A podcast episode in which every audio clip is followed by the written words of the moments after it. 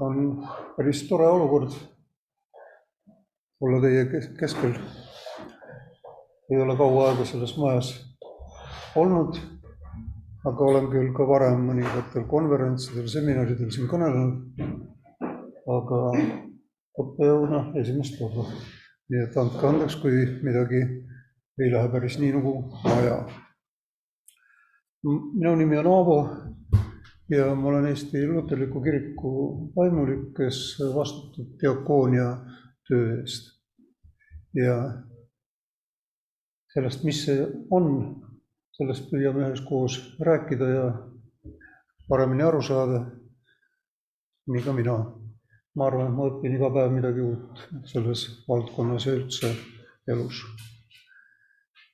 olen diakooniaga tegelenud ehk siis kristliku sotsiaaltööga ja kõigega, mis sellega seondub, taasiseseisvumise ajast peale, ehk siis tegelikult juba isegi kaheksakümnendate aastate lõpust, aga üheksakümne esimesel aastal siis nimetati mind kiriku diakoonia ja esialgu kriminaaltöö juhiks.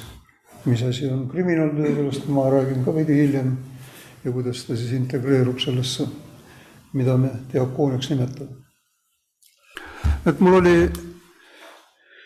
jah, alguseks plaan, et me kasutame neid postiteid ehk siis väikesi värvilisi paberilipakaid selleks, et te saaksite üles märkida ja minule ka näidata seda, mida teie diakooniast teate või, või, või mille, millena te teda ette kujutate sest maailmas on väga palju erinevaid sõnu kasutusel ja ka selle töövaldkonna kohta, millest me räägime.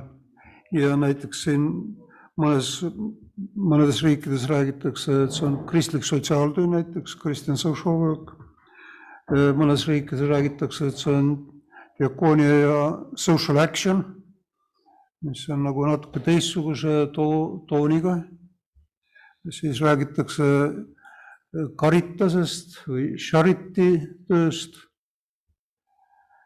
ja kindlasti ka pastoral care, pastoral therapy, pastoral counseling lähevad sellesama sõna alla, mida mina diakooniana mõistan ja ilmselt, ilmselt on neid asju või sõnu veel. et kui, ja ma tahtsin, et te kirjutaks neid postititele, aga äkki te paneksite siis sinna sõnumiribale, message'i peale mis on diakoonia? lühidalt, ühe lausega või ühe sõnaga. et ma mingi sissejuhatuse nagu tegin selles. on, on see võimalik? ainult meie ei ole seal Zoomi selles kohtumises, ehk siis meie ei saa seda nagu kommenteerida. aga teie saate siia kirjutada näiteks, jah? aga nemad saavad sinna ka kirjutada. jah, et see sobiks väga hästi, sest me saaksime niimoodi ülevaate tegelikult väga mitmekesisest valdkonnast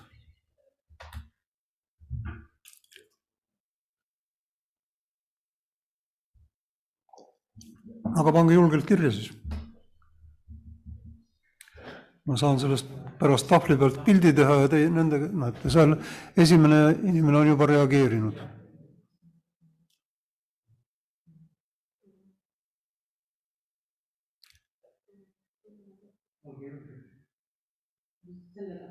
Ja, ja. aga kui ekraani peale kirjutada, siis tema näevad ka seal, kus me sinna kirjutame Iya, sama-sama tahun juga.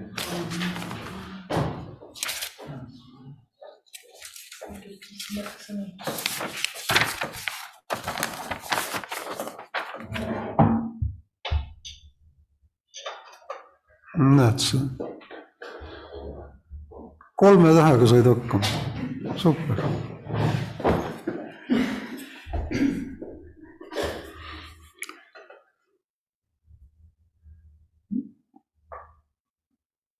Ja seal on kirjutatud church worker or pastor goes to see someone at his hers house here in Helsingi Espoo. okei okay,, see on siis kodukülastused eesti keeles öeldes lühidalt.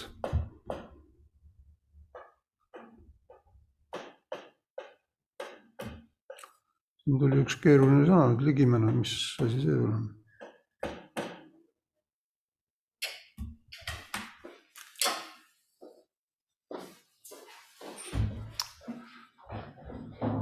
Ja shown, showing God's love in holistic way ehk Jumala armastuse näitamine terviklikkuses.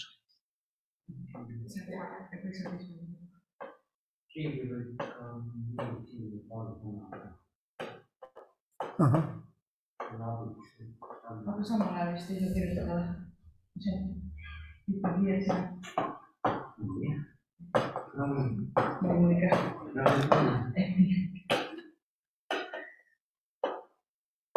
Забота Бога через тело Христа о людях.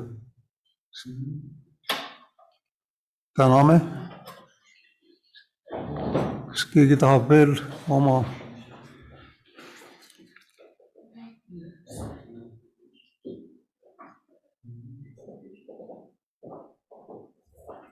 diakoonia tähendab teenimistööd, ütleb Ain.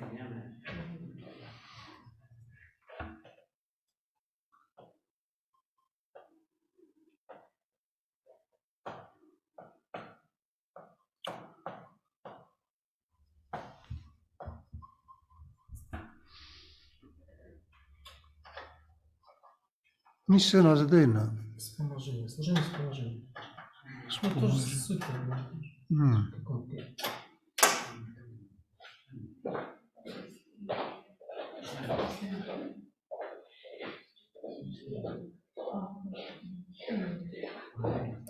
võidmine vist, võidmises jah, teenimine võidmises.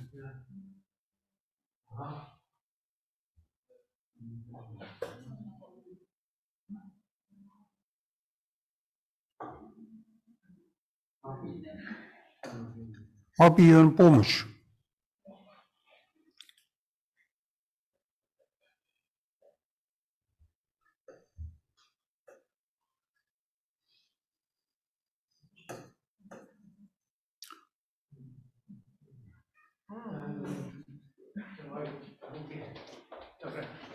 pastoral tuleb sealt midagi.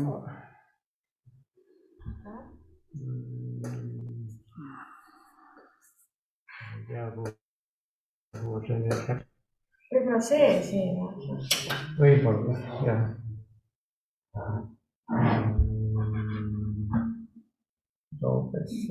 See saab siit kinni panna.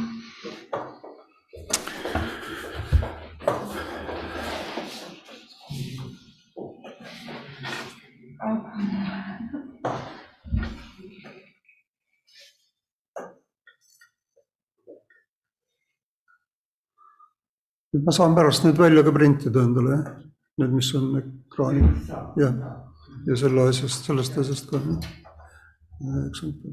pastori abiline, tere tulemast.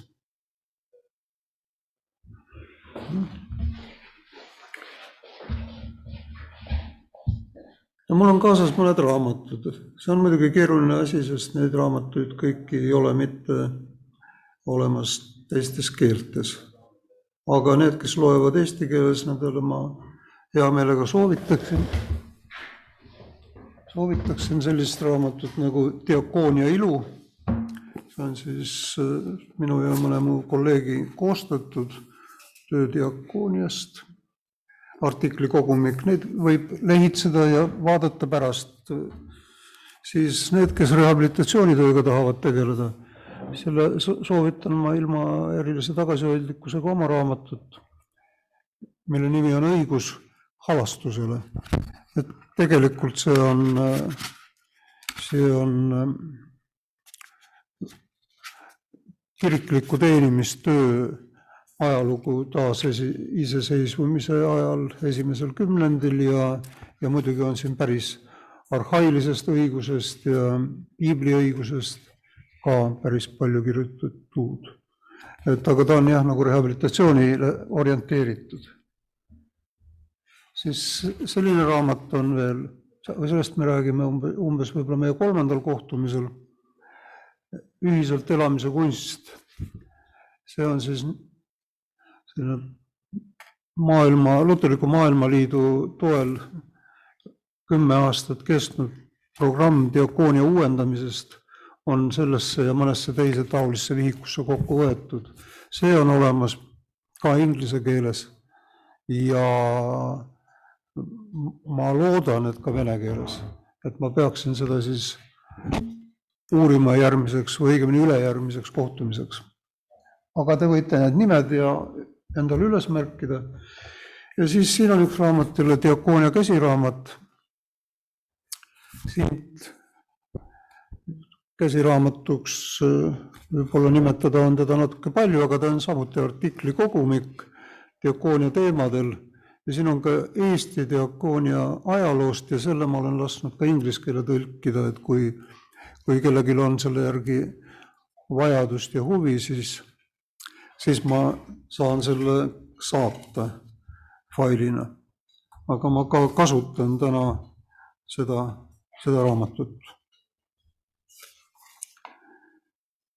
kui päris, päris äh, algusesse tagasi minna, siis me peame minema Vanasse Testamenti muidugi ehk loomislukku.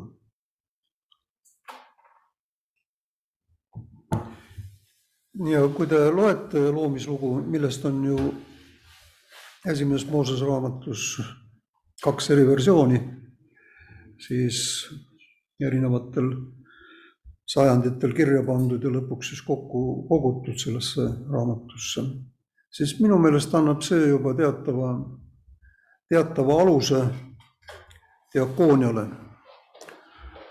loomislugu räägib, et Jumal lõi inimese oma näo järgi ja lisab, et inimesel ei ole hea üksi olla. ja need kaks asja on väga olulised, kõigepealt Jumal lõi inimese oma näo järgi, need, kes on tuttavad kolmainuõpetusega, teavad, et Jumal on isa, poeg ja püha vaim, kolm isikut ja see, see räägib mitmuses. ja siis inimese, kelle ta oma näo järgi lõi, ta ei saanud ka selle pooliku inimesega leppida. ehk siis, et, et oleks ainult Aadam jäänud, vaid tal oli vaja temale kohane abi teha, nagu seal kirjutatud on, sest inimesel pole hea üksi olla et see on siis esimese Moosese raamatu teine peatükk ja sealt läheb inimese lugu, sellise inimese lugu, kellel on suhe kõige ümbritsevaga, kellel on suhe Jumalaga. ja nagu sellest veel vähe oleks, siis luuakse talle abi, mis tema kohane on ja neil peab omavahel olema korrastatud suhe. ja see on korrastatud siis, kui see suhe säilitab selle kolmanda osapoole ehk Jumala. et kui, kui nüüd keegi tahab endale joonistada sellise kolmnurga, siis on see täiesti okei okay.. mina vist siin ei saa seda joonistada, aga ei, ei saa. aga et Jumal ja inimesed. Öeldakse, et inimene, niikaua kui ta on üksi, ta ei saagi olla päris nagu inimene, ta ei, sest ta ei täida väga olulisi funktsioone, mis inimesel on. ja seda teadmist toetab minu arvates kogu see piibel. inimene vajab ise abi, inimene vajab ise aitajaid ja inimene realiseerib ennast selle läbi, et ta teisi saab aidata.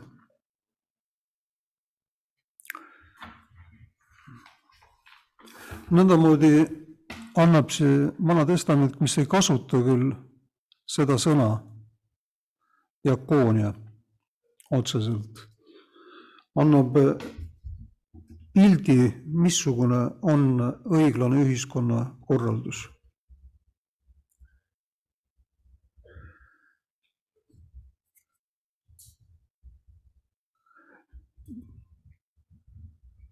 kui inimesed on Jumala näo järgi loodud, siis tähendab see seda, et nad on omavahel võrdväärsed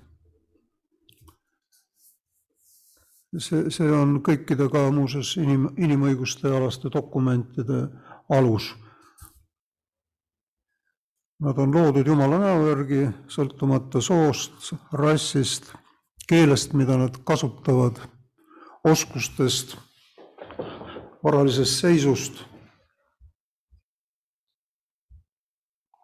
ja see paneb meile teatud kohustuse tähendab, et me peamegi üksteisesse suhtuma nii nagu Jumala loodusse ja me kanname selle eest ka igavikulist vastutust. lisaks sellele võib siit ka keskkonnateema välja lugeda sellest samast loomislugudest, kuna Jumal pani inimese valitsema seda aeda, hoolitsema selle eest. ja seda tõendavad ka järgnevad Vana-testamendi raamatud. inimene on loodud teisi aitama oma perekonnas, suguvõsas, igasugustes sotsiaalsetes gruppides, igasugustes kooslustes. ja kui te meenutate näiteks eh, Noa lugu, noh, mis on ju pühapäevakoolist kõigile tuttav, Noa laevalugu, siis Noa ei läinud laeva üksi.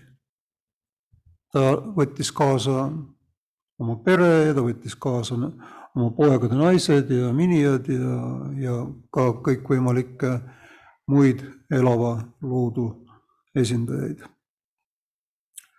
nii et ta võttis vastutuse rahva ja liigi püsimise eest, aga samuti ka selle teiste liikide püsimise eest.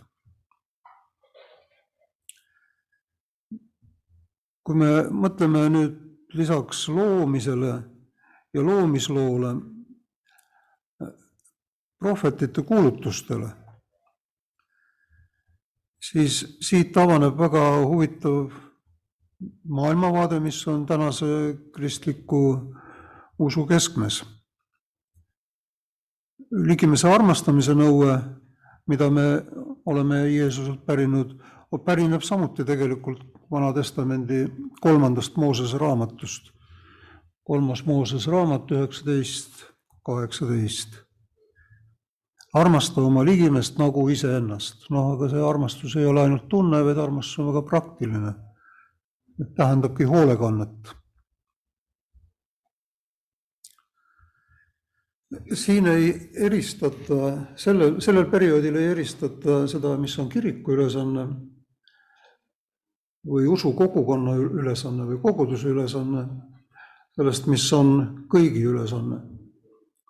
sest lihtsalt sellel ajal, millest need raamatud räägivad, ehk siis alates kümme sajandit enne Jeesust ja sealt edasi, meie poole oli kogu rahvas üks kogudus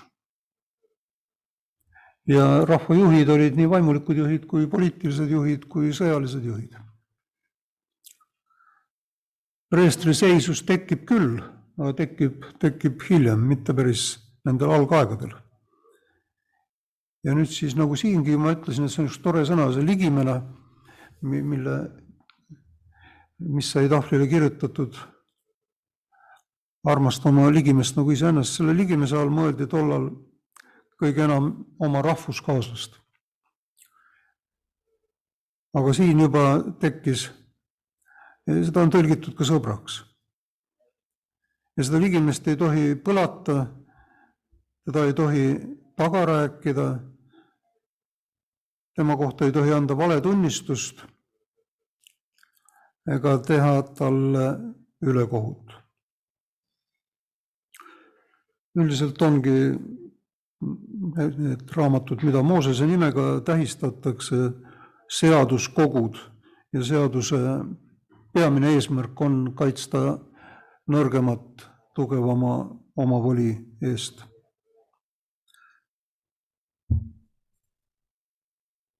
et kõigepealt kujunesid välja käsud ja keelud. räägitakse, et vanas testamendis üle kuuesaja käsu ja keelu ja nendest, nendest omakorda siis kasvasid välja seadused. aga nii nagu Jeesus meile õpetab, on ligimese armastamise käsk nende kõikide kokkuvõte. ta ütleb, et selles armastuse seaduses on kogu Vana Testament ja kõik prohvetite nõuded koos. nii et seaduse eesmärgiks oli hea, õiglase ühiskonna kujundamine. ja hea ühiskond on see, kus kantakse hoolt nõrgemate eest. ja siin nimetatakse eraldi lesed, orvud, vaesed, orjad ja võõramaalased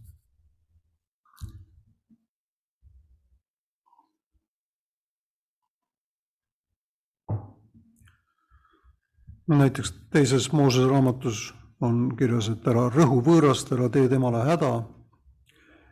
kakskümmend kaks, kakskümmend ja te ei tohi halvasti kohelda ühtki lesknaist ega vaeslast. et see ei ole nüüd ainuüksi Vana-testamendi rahva hulgas nõnda olnud, see on olnud ka teiste rahvaste hulgas, nad on pidanud ennast hakkama kuidagi korraldama ja korraldama ja siis ka kooselu reegleid sõnastama. ja kui meie tunnistame oma usutunnistusi öeldes usku Jumalasse, siis me räägime, et me usume loojasse ja me lisame sinna, me usume ka lunastajasse.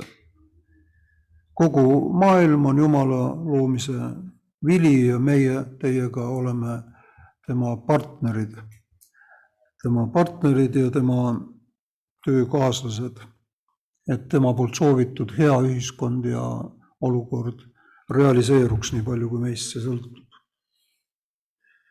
ja Jumala näo järgi loodu tähendab ka seda, et me oleme kaasvastutavad terviku eest, aga see tähendab, tervik tähendab igat üksikut inimest samuti ja meil on missioon, meil on kutsumus Jumala kaastöölistena ja see, see koostöö ja kaastöö peab toimuma kõikides eluolukordades. selles mõttes peaks nagu kõik inimesed olema diakoonia töötajad. ma olen kindel ja tean, et muidugi arvatakse ka teistmoodi, aga ma isiklikult ei arva mingil kombel, mingil kombel see teistmoodi arvamine võib sarnaneda Kaini ütlemisega, kes ütleb, et kas mina olen oma venna hoidja. jah, jumal ütleb, oled küll, oled küll, aga Kain valis teise tee. nüüd vanas testamendis on need huvitavad, huvitavad olevused nagu prohvetid ja millega nad tegelevad? prohvetid tegelevad poliitilise diakooniaga.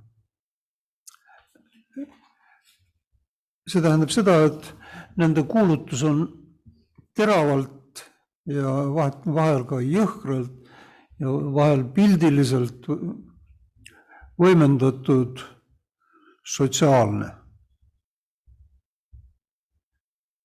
Nad ei tegele eriti kellegi individuaalhingehoiuga. Nad tahavad muuta seda olukorda, milles nad on, nad tahavad muuta, muuta inimeste riiki lähedasemaks Jumala riigile ja Jumala loomises väljendatud armastusele. ja nende periood tegutsemisperiood siis on kusagil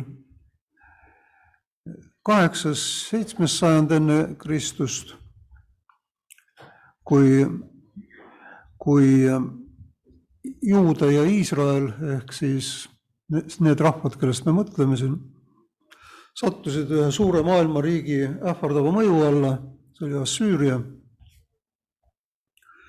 mis ka nende kõigepealt Põhjariigi ehk Iisraeli riigi eksistentsi lõpetas, vallutades selle pealinna Samaaria aastal seitsesada kakskümmend kaks. ja, ja Samaaria elanikud saadeti maalt välja, Juuda veel pidas vastu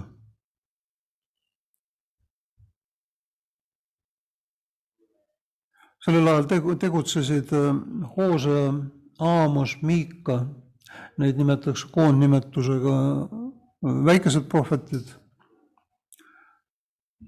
Nad tegutsesid äh, Miika lõunas, Hoose ja Aamos põhjariigis. ja kõikidel neil oli üks sõnum. ebaõigluse rõhumine ei ole Jumalale meelepärane. ja kui rahvas jätkuvalt on ebaõiglane, siis järgneb häving.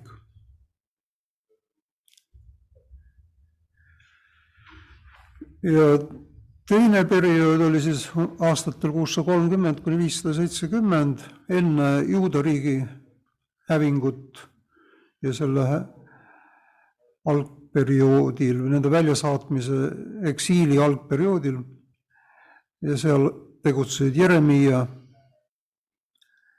Hesekiel, Joel,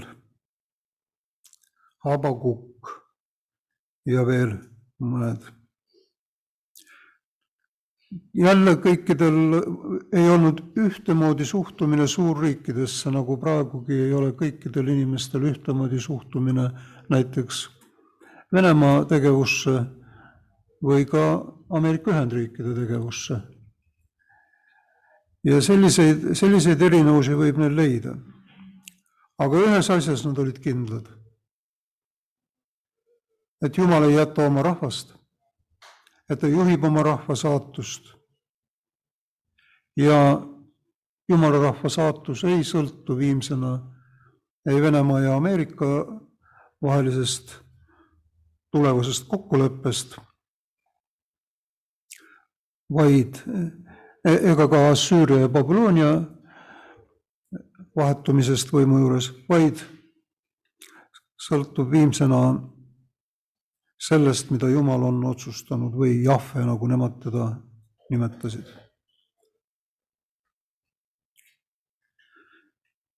ja viimane, kolmas prohvetite laine, mida, mille juures kõige enam on tuntud Jesaja nimi, kes on ääretult võimas oma keelekasutuselt ja oma prohvetlikult kuulutuselt ja kelle raamatus väidetavalt mahub kolme erineva selle nime all käsitletud inimeste kuulutus. ja Sakaria ja Agai ja teised. selleks ajaks oli poliitiline olukord muutunud ja ja Pärsia kuningas Küüros, kelle, mis tähendab ju valitsejat, Küürios, mis tähendab tegelikult ka noh, sedasama, mida me kujutame ette Jeesusest, ja teda võib ka mingil kombel selles kontekstis vaadata ettekuulutusena Jeesusest ja mõned on seda teinud. Küüros oli alistanud Babyloonia, kuhu olid küüditatud tollased juuda elanikud ja lubas neil koju tagasi pöörduda. ja siis algas suur ülesehitusperiood.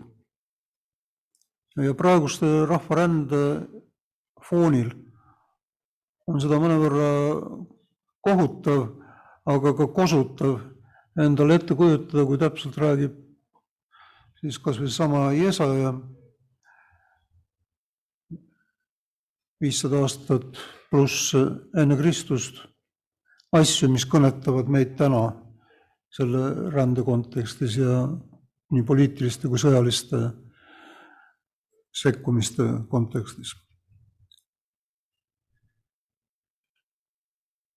kogu seda küüditamist, mis tollal toimus, käsitleti ka Jumala karistusena ja tagasipöördumine oli vähemalt prohvetite arvates märk sellest, et karistus on kantud ja nüüd tuleb taastada tempel ja muuta kogu maa uuesti elavaks.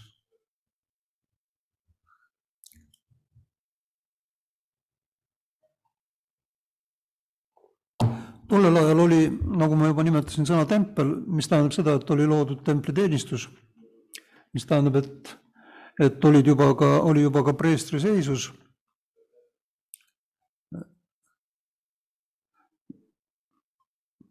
ma ei tea, kas on õige koht öelda, et praegu me räägime vaimulikust seisusest või vaimulikust ametist, kus on siis preestrid ja kogudusevanemad ja diaakonid, et see on niisugune, niisugused ametid, mis peaksid korraldama koguduste ja kogudustesse kuuluvate inimeste elu.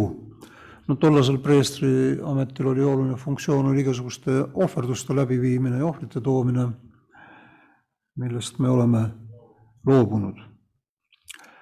aga prohvetid nägid ka preestrite elulaadis olevaid vastuolusid.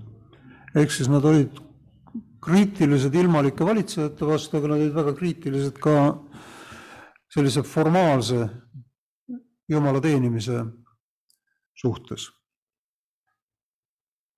Nende kuulutuse kohaselt nõuab Jumal oma inimestelt pühendumust ja ausust. ja see väljendub ka sotsiaalses õigluses ja, ja õiglases ühiskonnakorras ja ei piisa sellest, et tuuakse regulaarselt ohvriande, ei piisa sellest, et loetakse psalme kindla korra järgi, kuigi selles pole ka midagi halba. aga kui piirdutakse ainult kultusega või piirdutakse ainult liturgiaga, kui tänapäevases mõistes, siis on see sageli lihtsalt tühi tegevus kui sellega ei kaasne Jumala tahte kohane elu. ja prohvetid lähevad väga kaugele, nad nimetavad eh, niisugust templikultust lausa patustamiseks, nad ütlevad, meil ei ole, Jumalal ei ole hea meel teie ohvritest, või Jumal ei taha kuulda teie laule ja teie muusikariistade kära, vaid ta tahab näha, nagu Aamos ütleb, et, et õigus voolab nagu vesi ja õiglus nagu jõgi, mis iialgi ära ei kuiva. ehk siis õiguse, sotsiaalse õigluse nõudmine on kõikide prohvetite kuulutuses väga terav. Ja samuti ka templi kriitika. kas Mark tahab öelda, et meil on aeg vaheaega pidada või? no on vaja, tahtsin ka natuke kuulda, jah ja paudi ajal siis me ka midagi. et ja me oleme jõudnud selleni, et me oleme aru saanud, et äh, Vana Testament annab diakooniale aluse, kuigi ta sellest sõna-sõnalt ei räägi. prohvetid tegelevad poliitilise diakooniaga ehk siis äh, võimukriitikaga, kirikukriitikaga. ja etteruttavalt ütlen, et ega meie ei pääse sellest. meie asi on tõtt kõneleda iga režiimi ajal ja öelda seda, mis on Jumalale meelepärane ja püüda ka elada nii, et see on Jumalale meelepärane. ja püüda jõuda selleni, et öeldakse, et kirik ei peaks taotlema mingit mõju, ma arvan, see on vale.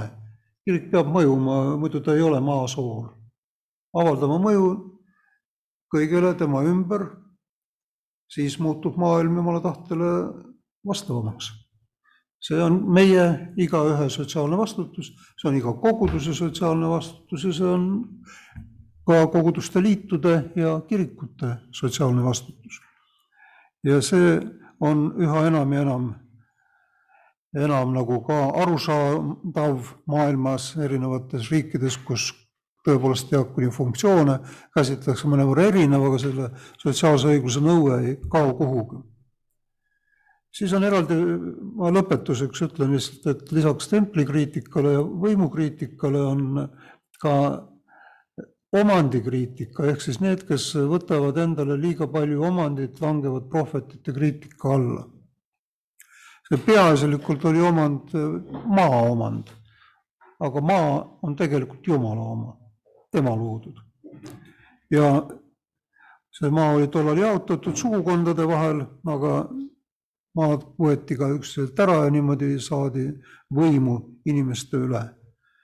ja see, see langes prohvetite kriitika alla, Aamos, Miika ja muidugi Jesaja on selles osas väga teravalt välja astunud, ma ei hakka võib-olla kirjakohti lausa nimetama, aga te võiksite selle pilguga vaadata, et templikriitika võimukriitika ja omandikriitika on prohvetitel põhilised teemad.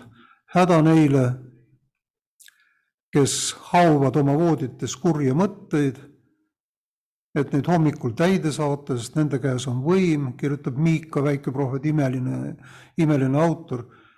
Ütleb, nad ihaldavad põlde, nad haaravad neid endale, kodasid võtavad ära ja rõhuvad meest ja tema koda, igaühte tema pärisosa. Need on väga julged laused ja enamasti on prohvetitel tulnud nende eest ka vastust kanda, aga me usume, et nad ikkagi on igavikku ära võetud, mitte lihtsalt ajas hävitatud, nagu seda uskmatud võivad arvata.